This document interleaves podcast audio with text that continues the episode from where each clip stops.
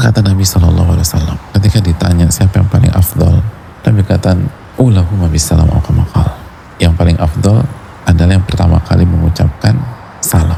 Belum mengatakan dalam hadis Abu Umamah dalam Musnad Imam Ahmad, Inna awlan nasi billahi man bada'ahum bisalam.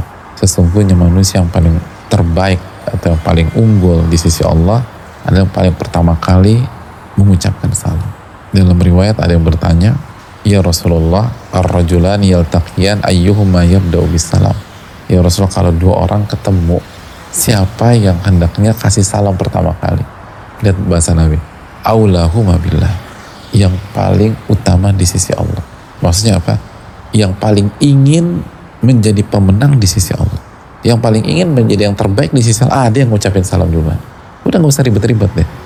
Menjadi terdepan di sisi Allah. Ah itu kasih salam duluan pola pikir kita terus ke sana coba. Kita balik lagi masalah rumah tangga atau keluarga. Jangan gengsi-gengsian. Yang paling menang tuh fastabikul khairat yang paling pertama kali minta maaf. Udah menang, menang. Ini Allah dan Rasulnya yang bilang menang. Tapi syaitan justru ngajak kita berpikir sebaliknya. Syaitan bilang kalau kamu kasih salam kamu kalah. Kalau kamu kasih salam dia menang. Kalau kamu negor duluan dia menang. Kalau kamu minta maaf sama istrimu, istrimu nanti menang. Kalau kamu minta maaf kepada suamimu, suamimu nanti menang. Itu setan. Kita nggak demikian.